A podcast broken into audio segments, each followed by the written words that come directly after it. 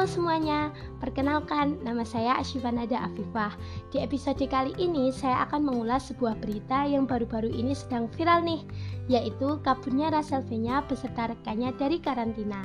Nah, sebelumnya saya minta maaf banget nih, mungkin suara saya terdengar agak bindeng atau serak gimana-gimana gitu ya, karena memang sedang pilek dan flu dan semoga kalian yang mendengarkan podcast ini sehat selalu di mana pun kalian berada. Oke lanjut.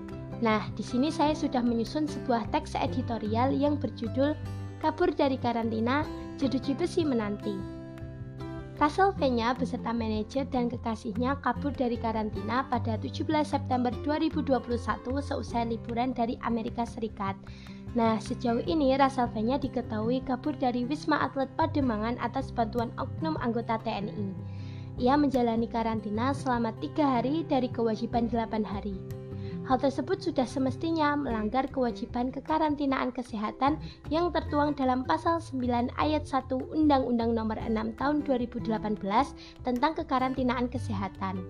Dalam pasal tersebut disebutkan bahwa setiap orang wajib mematuhi penyelenggaraan kekarantinaan kesehatan.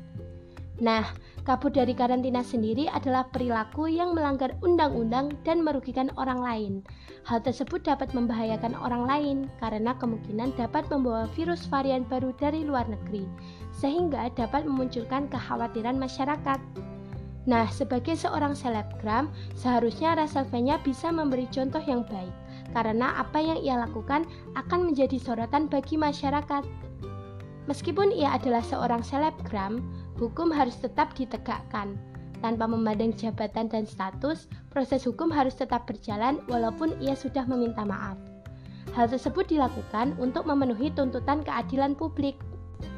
Nah, dalam hal ini ancaman hukuman yang akan diberikan sudah jelas tertera di pasal 93 Undang-Undang Kekarantinaan Kesehatan, yang mana disebutkan bahwa pelaku akan dipidana penjara paling lama satu tahun atau paling banyak 100 juta rupiah.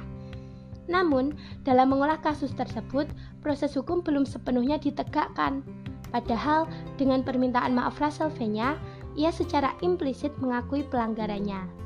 Sebaliknya, prajurit berinisial IG dan FS yang diketahui membantu Russell kabur dari karantina langsung dinonaktifkan pada 14 Oktober dari Satgas Komando Tugas Gabungan Terpadu. Apresiasi harus kita berikan kepada pihak TNI yang dengan cepat memproses dua anggotanya. Nah, dalam masa pandemi COVID-19 ini, seharusnya masyarakat bisa lebih patuh pada aturan yang berlaku. Hal ini karena selain bisa mencegah naiknya lonjakan kasus COVID-19, juga dapat saling memberi manfaat kepada orang lain.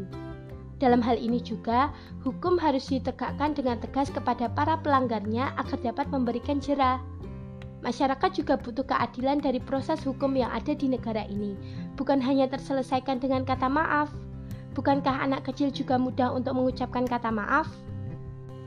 Nah, teman-teman, gimana nih tanggapan kalian tentang teks editorial di atas? Semoga bisa membantu kalian memahami beritanya ya.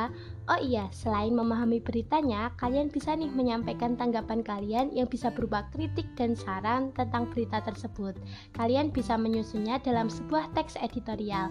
Nah, untuk berita yang lebih lengkapnya, kalian bisa mencarinya di berbagai media dan surat kabar.